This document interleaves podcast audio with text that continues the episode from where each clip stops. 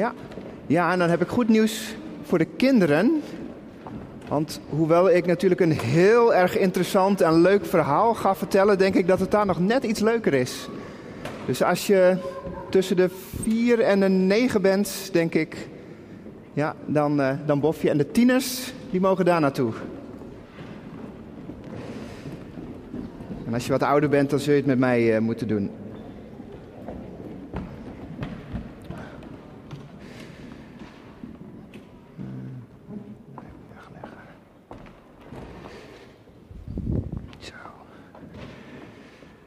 Goedemorgen, ik zal me nog even voorstellen. Mijn naam is uh, Jurek Woller. Ik werk voor Noorderlicht in de Oranjekerk, een klein stukje verderop in uh, Hillegersberg, Schiebroek. Goed om hier weer uh, te zijn met, voor mij in ieder geval voor het eerst weer een goed gevulde kerk. Dat is zo langzamerhand omhoog gegaan hier en dat is mooi met z'n allen. Nou, zo het heeft, het heeft even geduurd maar uh, we zijn nu toch echt aan het einde gekomen van onze serie over Exodus. Ik heb er nog even nagekeken. De eerste dienst was op 6 juni. Alweer uh, vier maanden geleden hadden we het over Exodus 1. En vandaag gaan we het hebben over Exodus 40. Het laatste hoofdstuk van het boek. Ja, we hebben wat, ook wel wat hoofdstukken overgeslagen. Met wel heel veel uh, opsommingen erin. En in de zomer nog even wat anders gedaan. Maar toch hebben we al met al, denk ik, een hele reis doorgemaakt. Dat boek Exodus. Als je kijkt naar, eh, naar het begin van het boek, dan zie je een, een volk Israël, wat eigenlijk nog maar net, net een volk is geworden, die helemaal vastzit in Egypte, in slavernij en onderdrukking. En als je dan nu zo naar het einde van het boek kijkt, dan zie je dat ze onderweg zijn, het volk, naar een, naar een prachtig land dat, dat God ze beloofd heeft. Het is niet altijd makkelijk, hè? het is een moeilijke reis door de woestijn. Maar God helpt ze ook altijd. God heeft ze heel veel geholpen en God is nabij. In het begin eh, van het boek leek God nog redelijk op afstand. En tijdens het boek komt God steeds dichterbij. Ligt ook steeds meer de nadruk in plaats van op, op wat God doet, naar God die simpelweg aanwezig is. En dat komt het meest tot uitdrukking in de tabernakel. En daar hebben we al een aantal hoofdstukken over gelezen. Daar ging de vorige dienst ook over hier. Over uh, iedereen die een bijdrage kon leveren om die uh, tabernakel, een soort mobiel heiligdom, om die uh, te maken. En vandaag bereikt het dan zijn climax. Laten we het gaan lezen. Exodus 40. We doen het hele hoofdstuk. Dus dat is een aardig stukje. Dus ga er maar eens rustig voor zitten. Er staat boven de tabernakel opgebouwd en ingericht. De Heer zei tegen Mozes: Op de eerste dag van de eerste maand moet je de tabernakel, de ontmoetingstent, opbouwen. Plaats de ark met de verbondstekst erin en scherm die af met het voorhangsel. Zet de tafel erin met de bijbehorende voorwerpen ordelijk erop geschikt. En ook de lampenstandaard waarvan je de lampen moet aansteken. Plaats het gouden reukofferaltaar voor de ark met de verbondstekst en hang het gordijn voor de ingang van de tabernakel. Het brandofferaltaar moet je voor de ingang van de tabernakel de ontmoetingstent zetten. En het wasbekken gevuld met water tussen de tent en het altaar. Scherm de ruimte rond de tabernakel af en hang het gordijn voor de ingang. Neem dan de zalfolie en zalf de tabernakel en alles wat erin staat. Om de tabernakel met alle toebehoren te wijden, zodat hij heilig is. Zalf ook het brandofferaltaar met alle bijbehorende voorwerpen om het, te, om het te wijden, zodat het allerheiligst is. Zalf en wijd ook het wasbekken en het onderstel. Laat dan Aaron en zijn zonen naar de ingang van de ontmoetingstent komen en reinig hen met water. Trek Aaron de heilige kleding aan en zalf hem. Zo heilig je hem, om mij als priester te dienen. Ontbied zijn zonen, trek hun de tunieken aan en zalf hen zoals je hun vader gezalfd hebt. Dan kunnen ook zij mij als priester dienen. Door deze zalving wordt hun voor altijd, voor alle komende generaties, het priesterschap verleend. Mozes deed alles wat de Heer hem had opgedragen. In de eerste maand van het tweede jaar, op de eerste dag van de maand, werd de tabernakel opgebouwd. Mozes liet de voetstukken voor de tabernakel plaatsen. Hij liet de planken erin zetten, de dwarsbalken aanbrengen en de palen oprichten. Over de tabernakel werd de tweede tent gespannen en daaroverheen werden de buitenste tentkleden gelegd, zoals de Heer Mozes had opgedragen. Hij legde de verbondstekst in de ark, bevestigde de draagbomen aan de ark en legde de verzoeningsplaat erop. Hij zette de ark in de tabernakel en hing ter afscherming van de ark met de verbondstekst het voorhangsel op, zoals de Heer hem had opgedragen. Hij zette de tafel aan de noordkant van de tabernakel, de ontmoetingstent, buiten het voorhangsel, en schikte erop het brood ten overstaan van de Heer, zoals de Heer hem had opgedragen. De lampenstandaard zette hij aan de zuidkant van de tabernakel, tegenover de tafel. En hij stak de lampen voor de Heer aan, zoals de Heer hem had opgedragen. Het gouden altaar zette hij voor het voorhangsel in de ontmoetingstent. En hij brandde er geurig reukwerk op, zoals de Heer hem had opgedragen. Hij hing het gordijn voor de ingang van de tabernakel, zette het brandofferaltaar bij de ingang van de tabernakel, de ontmoetingstent, en bracht daarop het brandoffer en het graanoffer, zoals de Heer hem had opgedragen. Tussen de ontmoetingstent en het altaar plaatste hij het wasbekken en hij vulde het met water. Daarmee moesten Mozes en Aaron, zijn, eh, zijn zonen en zijn zonen, hun handen en hun voeten wassen. Voordat ze de ontmoetingstent binnengingen of het altaar naderden. Zo had de Heer het Mozes opgedragen. Hij schermde de ruimte rondom de tabernakel en het altaar af. En hij ging voor de ingang en, en hij hing voor de ingang het gordijn op. Zo legde Mozes de laatste hand aan het werk. En dan nog een stukje en daar staat boven de majesteit van de Heer. Toen werd de ontmoetingstent overdekt door een wolk en werd de tabernakel gevuld door de majesteit van de Heer. Mozes kon de ontmoetingstent niet meer binnengaan, want de wolk rustte daarop en de majesteit van de Heer vulde de tabernakel. Zolang hun tocht duurde, trokken de Israëlieten pas verder wanneer de wolk zich van de tabernakel verhief. Wanneer de wolk niet opsteeg, trokken ze, zich, eh, trokken ze niet verder. Ze wachten tot de wolk weer opsteeg. Zolang hun tocht duurde, rustte overdag de wolk van de Heer op de tabernakel. S'nachts verscheen er een vuur in, dat voor alle Israëlieten zichtbaar was.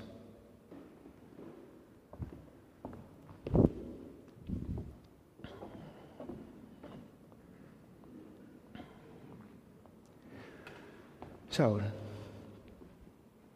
Laat ik maar eens eh, beginnen met een bekentenis. Ik vind het eigenlijk wel, uh, wel spannend om, om iets over dit onderwerp te zeggen. Om het als het ware aan te raken. Als ik het allemaal zo tot me door laat dringen. De tabernakel en, en daarmee ook de tempel later in Jeruzalem. Met, met die priesters en die offeraltaren en, en al die bijzondere voorwerpen. En die ruimtes, het, het heilige en het allerheiligste. Met de ark van het verbond. En daarin de, de stenen tafelen van de wet. En bovenal Gods aanwezigheid. Het is zo groot, zo belangrijk, zo heilig. En ook zo vreemd. Zo ver van mijn belevingswereld af. En waarschijnlijk ook van die van jou. En daar dan iets over te zeggen. Maar ik ga het toch doen. Want die tekst van vandaag, Exodus 40, die heeft iets. Er zit iets in wat in de kern raakt, wat raakt aan de kern van ons leven, denk ik. Van een leven als christen. Van iemand die zich aan Jezus, aan, aan God heeft verbonden. En ook als je jezelf geen, geen christen beschouwt, is de vraag van vandaag denk ik relevant.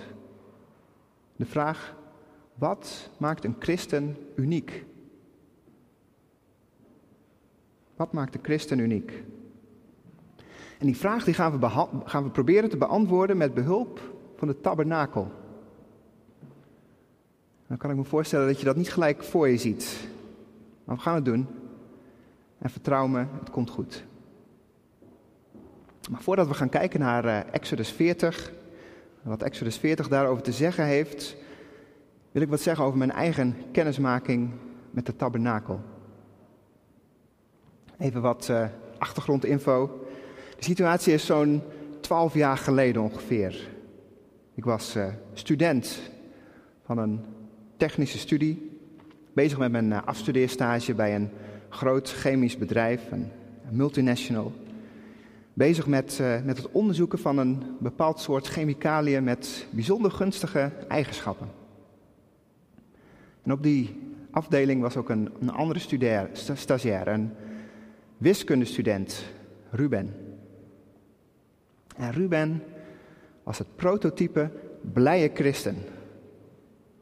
Altijd opgewekt, altijd positief, zelfs, zelfs als het tegenzit. En ergens leek hij ook wel op Jezus. Of tenminste op dat, clichébeeld van Jezus dat we hebben. Hè, met van dat, van dat halflange haar dat dan net tot op je schouders uh, komt. Alleen had hij geen baard. En ja, hoewel, hoewel, ik zelf helemaal niks had met Jezus of het, christelijk geloof of zo, mocht ik hem wel, die Ruben. En op een dag vond ik op mijn bureau een kaart grote kaart. Met een, met een afbeelding erop. Een afbeelding van een tent. Nou ja, ik, ik snapte het niet helemaal. Besteedde er niet te veel aandacht aan. Maar dan, even later, komt Ruben binnen. En, heb je het gezien? Uh, mooi hè? Uh, ja. Ja, dat is een, tabernakel. En wat? Een tent die, die, die God aan zijn volk Israël heeft gegeven, zodat hij in, in hun midden kon wonen. Zodat God altijd bij hem was. Ah, oké. Leuk. Dankjewel. Ik vond het maar een raar verhaal. Hoe kan iemand nou zo, zo enthousiast zijn over, over een tent? gemaakt door mensen, voor, voor God om in te wonen. Raar verhaal.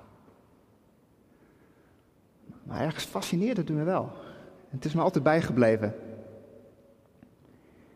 Dat iemand daar zo van onder de indruk is. Dat van, van alles wat hij zou kunnen delen over zijn geloof, dat hij juist dat kiest. De tabernakel. Dat hij zijn, zijn ongelovige collega een plaatje van een tabernakel geeft. Ja. Ik hoop dat wij vandaag misschien ook iets van het, van het enthousiasme over de tabernakel kunnen krijgen. Je hoeft echt geen, geen plaatjes aan collega's te gaan geven hoor. Maar toch. Nou, en ik dacht, laat ik jullie tenminste dan ook een plaatje van de tabernakel geven. Niet op papier, maar, maar op de beamer. Kijk, daar is hij. Mooi hè? We hebben er veel over gelezen hè? Daarom heb ik ook die hele lange tekst laten lezen. Hè? Daar werd het allemaal wat omschreven en dan kun je nu checken of het klopt. Het klopt echt, denk ik.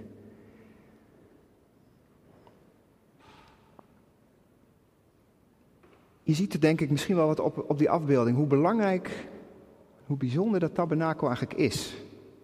Het tabernakel dat springt eruit. Als de plek waar iets bijzonders gebeurt. Allemaal wat uniforme tentjes eromheen. En dan die tent. En wat je ook ziet, denk ik, is, is de centrale plek die de tabernakel inneemt. De tabernakel midden in het leven. En dat is het, het beeld van vandaag en het beeld, dat vat het thema van vandaag mooi samen. Leven met God in het midden. En dat is waar het om gaat in de tabernakel. Gods aanwezigheid. Dat is ook waarom het zo'n speciaal ontworpen tent is, hè, gemaakt van de meest kostbare materialen. Gods aanwezigheid. Dat is waarom alles precies op de goede plek moet staan. Gods aanwezigheid. Dat is waarom de hele tent en, en ieder object dat erin staat gezalfd moet worden om het heilig te maken. Gods aanwezigheid. Dat is waarom alle mensen die er uiteindelijk een taak gaan uitvoeren, die er zijn, de priesters, dat die ook gezalfd moeten worden om ook heilig te worden. Gods aanwezigheid. En ik denk dat dat ook de reden is waarom Ruben zo enthousiast was over de tabernakel. Gods aanwezigheid. Gods aanwezigheid. Dat is waar het om draait in de tabernakel. Dat is wat het bijzonder maakt. En ik zei het net al even, dat, dat de tekst van vandaag gaat over de kern van leven als christen. En dit is het, wat mij betreft. Leven met God. Het voorrecht van, van leven met de aanwezigheid van God. Je zou het ook, ook zo kunnen zien. Wat maakt ons christenen anders? We leven met de aanwezigheid van God. Is dat alles? Ja, dat is alles.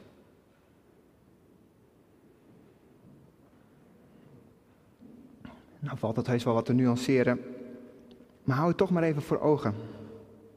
De aanwezigheid van God als het meest onderscheidende van christenen.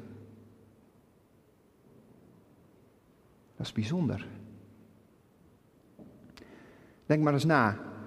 We leven in een wereld, of, tenminste in een land, waar, waar het lijkt dat God afwezig is. Of zelfs niet bestaat. Kijk maar in de media, of op social media, of in populaire boeken, of films, of in gesprekken met buren, of op het werk of je studie. Misschien ook wel bij veel vrienden of familieleden die je hebt.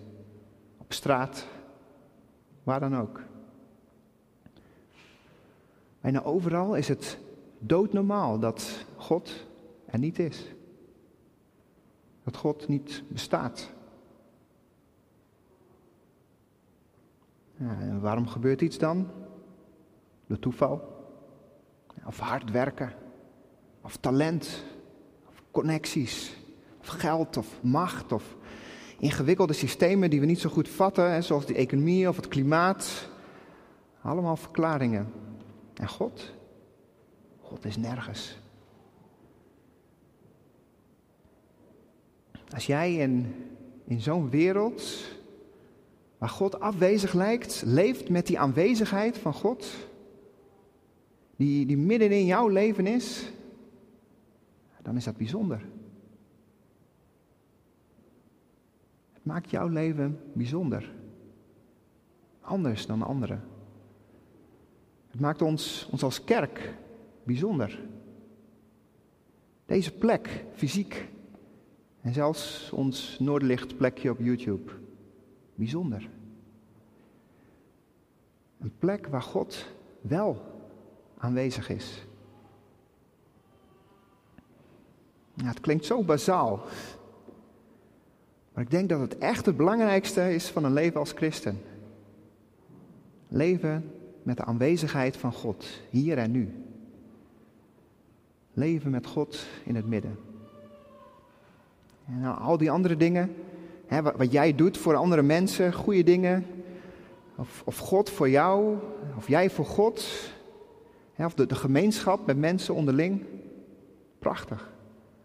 Maar het vloeit er allemaal uit voort, uit, uit God in het midden. Nou zou je kunnen zeggen, ja wacht eens even. Er zijn er toch nog wel wat andere dingen die uniek zijn voor christenen. wat dacht je van de hele geschiedenis, de, de, hele traditie van kerk zijn, 2000 jaar lang. En daarvoor alles wat, wat in de Bijbel beschreven staat. Dat is toch ook vrij belangrijk. Of je kunt zeggen, kijk naar de toekomst. Als christen leef je met hoop. Ben je vol hoop op een mooie toekomst, een prachtige toekomst waarin God alles goed maakt. Ja, dat klopt. Maar wat is die, die prachtige toekomst nou eigenlijk? Aan het einde van de Bijbel, in Openbaring 21, staat dat, dat prachtige toekomstvisioen. Een nieuwe hemel en een nieuwe aarde. Waarin de heilige stad van God neerdaalt uit de hemel op aarde. En een luide stem roept: Gods woonplaats is onder de mensen. Hij zal bij hen wonen. Zij zullen zijn volken zijn. En God zelf zal als een God bij hen zijn. En alle dood en verdriet en pijn zijn weg. Dat is waar we op mogen hopen. Een, een volkomen leven met God, die, die woont tussen de mensen. God volledig aanwezig. En dan die geschiedenis. Ja, daar is veel over te zeggen natuurlijk, maar, maar vrijwel alle christenen zijn het erover eens dat er, dat er één bepalend moment is in de geschiedenis. Het keerpunt. De komst van God op aarde in de persoon Jezus Christus. Zijn leven, zijn dood en zijn opstanding. En daarover gaat die, die beroemde tekst, Johannes 1, vers 14. Je kent hem vast wel. Het woord is mens geworden en heeft bij ons gewoond. Vol van goedheid en waarheid. En wij hebben zijn grootheid gezien. De grootheid van de enige zoon van de Vader. Het woord is mens geworden en heeft bij ons gewoond. Bij ons gewoond. Dat werkwoord dat, dat hier is vertaald met gewoond, dat betekent wat meer letterlijk een soort getent of getabernakeld. In een andere vertaling, de, de Nadense Bijbel, staat het als volgt. Hij heeft bij ons een tent opgeslagen. Dit is een directe verwijzing naar Exodus, Exodus 40. Jezus Christus als tabernakel in menselijke vorm. De aanwezigheid van God in menselijke vorm. En die aanwezigheid van God, die, die loopt als een rode draad door de hele Bijbel. kijk naar het begin. Adam en Eva in het Hof van Eden leven samen met God, met de aanwezigheid van God. En helemaal aan het einde dus, dat, dat toekomstvisioen over, over God die tussen de mensen woont. En daartussenin dus de tabernakel. En later de tempel in Jeruzalem. Hetzelfde idee. En daarna de levende tempel, de levende tabernakel, Jezus Christus. En uiteindelijk de Heilige Geest.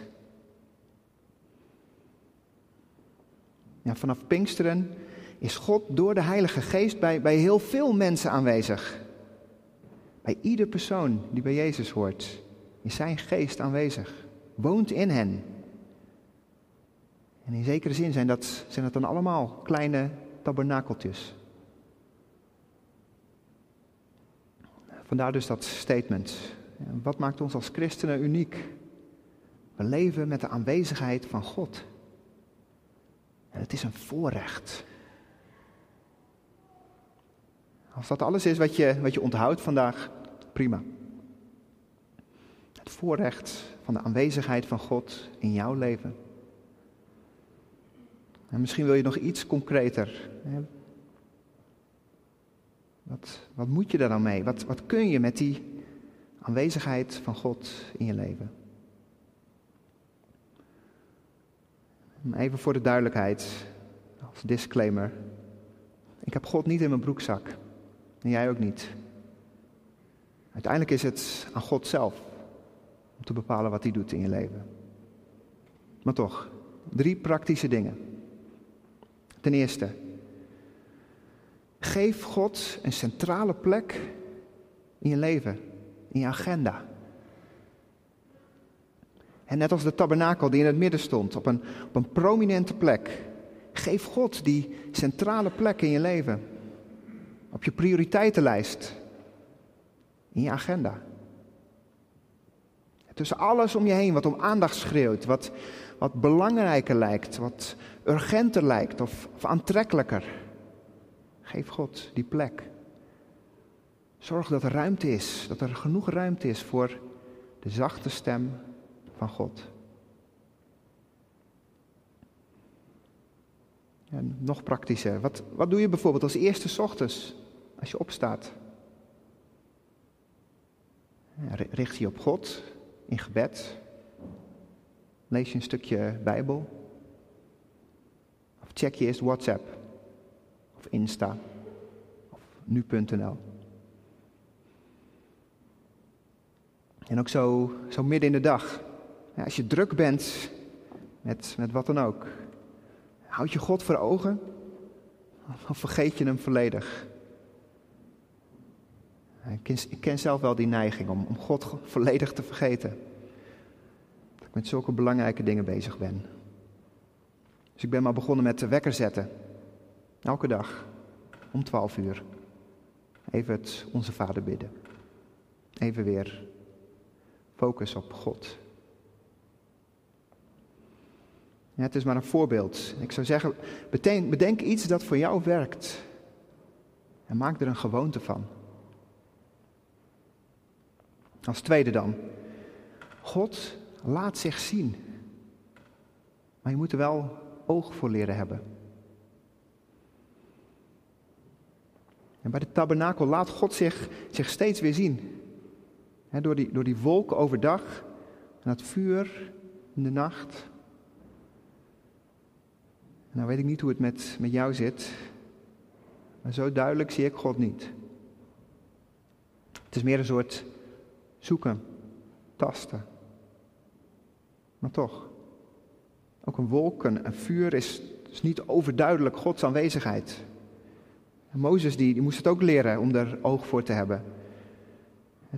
Misschien ken je dat verhaal uit Exodus 3. Toen Mozes voor het eerst die brandende braamstruik zag, toen had hij ook niet gelijk door dat dat God was. Hij moest God ook leren herkennen. Zie jij God wel eens? Voel je hem?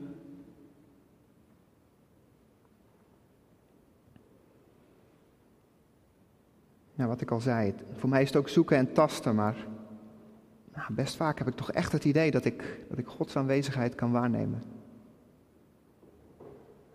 Het is vaak subtiel. En het is een, het is een leerproces. Het vallen en opstaan. Ik kan je vertellen wat helpt voor mij. Twee tegengestelde dingen eigenlijk. Stilte en actie. Een echt moment van, van stilte en focus op God. Dat helpt me. In, in een gebedsruimte bijvoorbeeld. Kan ook thuis of zelfs tijdens een wandeling. En het andere is het, het tegenovergestelde. Me inzetten voor dat waarvan ik denk dat, dat God het belangrijk vindt. Door iemand te helpen waar het, waar het echt niet had gehoeven. Door te bidden voor, voor iemand die ik eigenlijk niet echt aardig vind. Door, door samen te bidden met, met mensen die heel anders zijn. Op dat soort momenten heb ik regelmatig het, gevoel dat ik God waarneem. Subtiel, als, als een soort wind die ik voel. Of ik denk God aan het werk te zien. In mensen, in de blik die ze hebben, de, wat ze doen of wat ze zeggen. Dingen die, die wel heel toevallig lijken.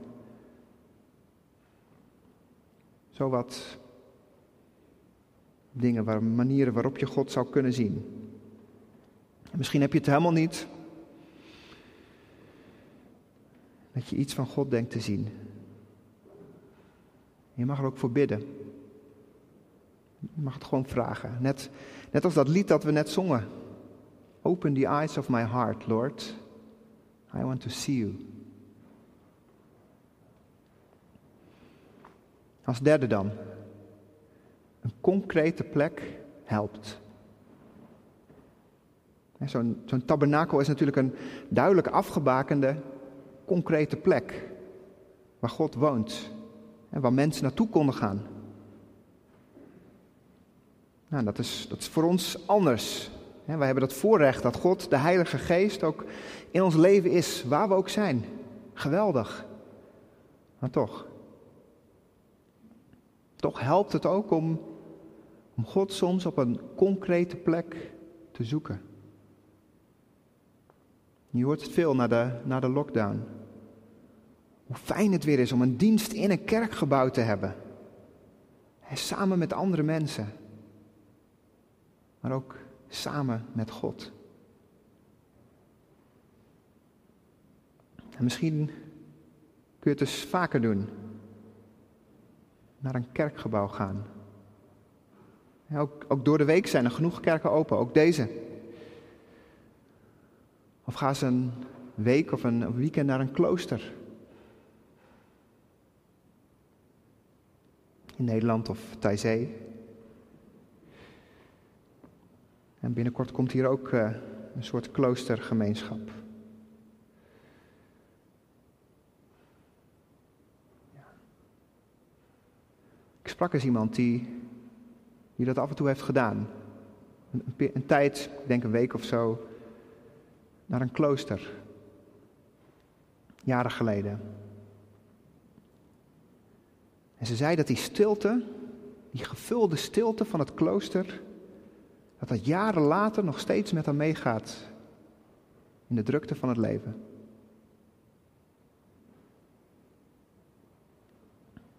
Zo wat idee over leven met God in het midden. door, door God genoeg prioriteit te geven in je leven, in je agenda. Door je te oefenen in het herkennen van God. Misschien wel op een concrete plek. In een kerkgebouw of, of een klooster. Zo wat ideeën die je misschien helpen. Maar wat je ook doet, Gods aanwezigheid hangt er niet vanaf. God, God die is er in je leven, die verbindt zich aan je leven door Jezus Christus. De tabernakel van vlees en bloed. Dat is het voorrecht dat je als christen hebt. En of je het nou door hebt of niet, of het goed met je gaat of niet, God is bij je. Altijd. Amen.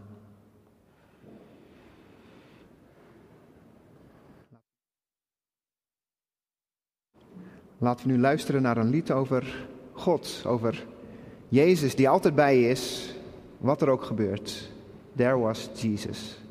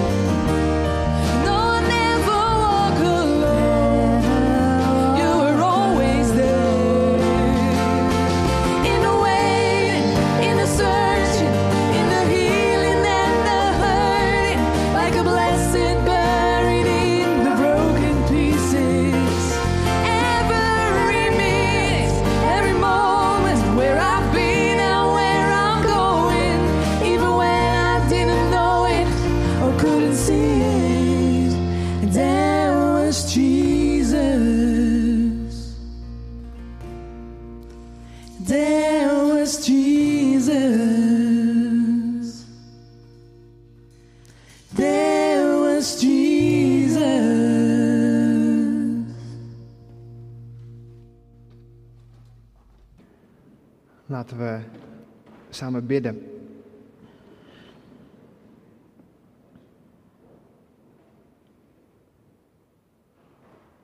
Hemelse Vader, u bent zo groot, zo verheven, zo heilig en toch ook zo dichtbij. Het is een voorrecht. Dank u wel. Dank u wel dat u hier bent, in ons midden. Wat zouden we zijn zonder u? Dank u wel dat u overal bent waar mensen online deze dienst mee vieren, nu of later. Dank u wel dat u bij ons bent als we alleen zijn en het moeilijk hebben. En dank u wel dat we dus eigenlijk nooit alleen zijn. voor ieder van ons die, die ernaar verlangt om meer van u te zien, meer van Jezus te zien, bidden we. Open de ogen van ons hart, Heer. We willen u zien.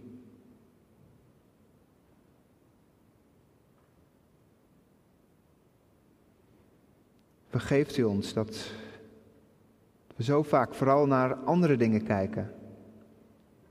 Geen tijd of aandacht lijkt te hebben voor u. En helpt u ons erbij.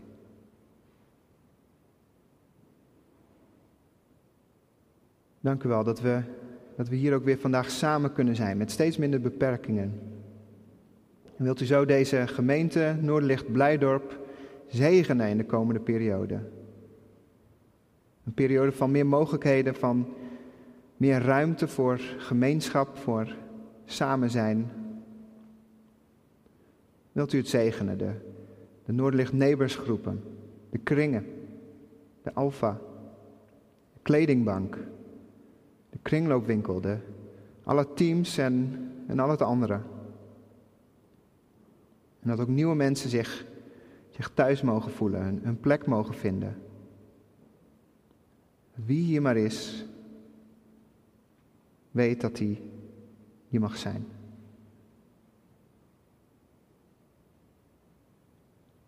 Zo bidden we ook voor, voor onze stad Rotterdam en ons land.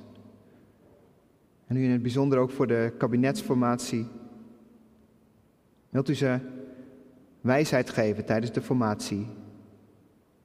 Een oog voor, voor hen die kwetsbaar zijn.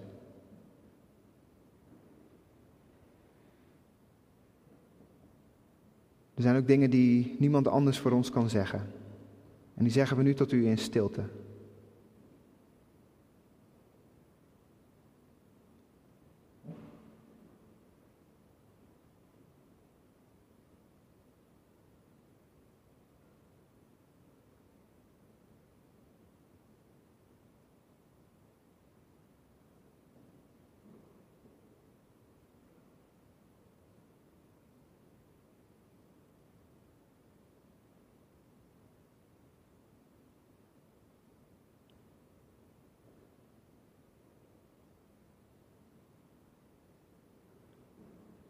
Dank u wel dat we mogen vertrouwen dat u onze gebeden hoort.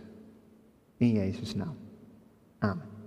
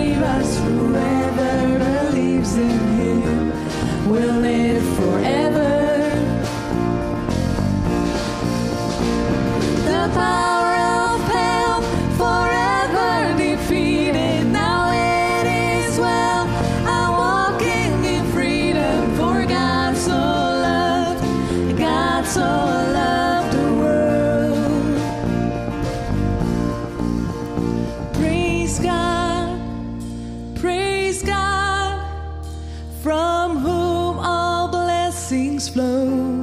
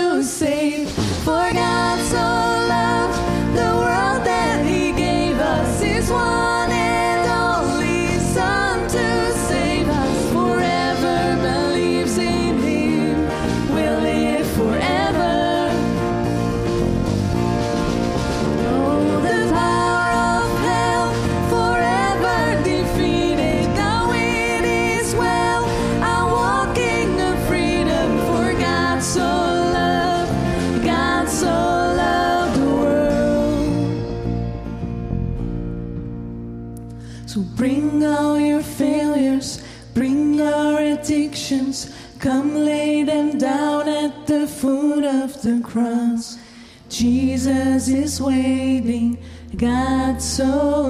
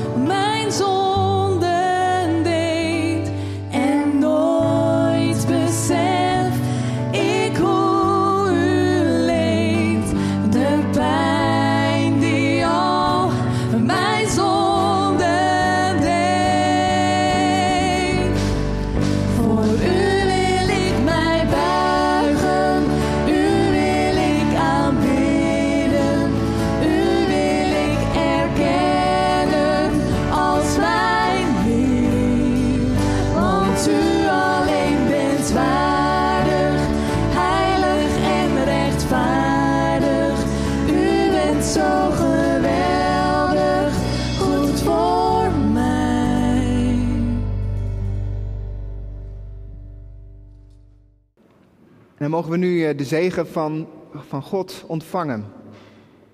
Laten we die zegen ontvangen, zodat we die ook weer door kunnen geven deze week. De genade van onze Heer Jezus Christus, de liefde van God de Vader en de verbondenheid en aanwezigheid van de Heilige Geest zij met ons allen. Amen.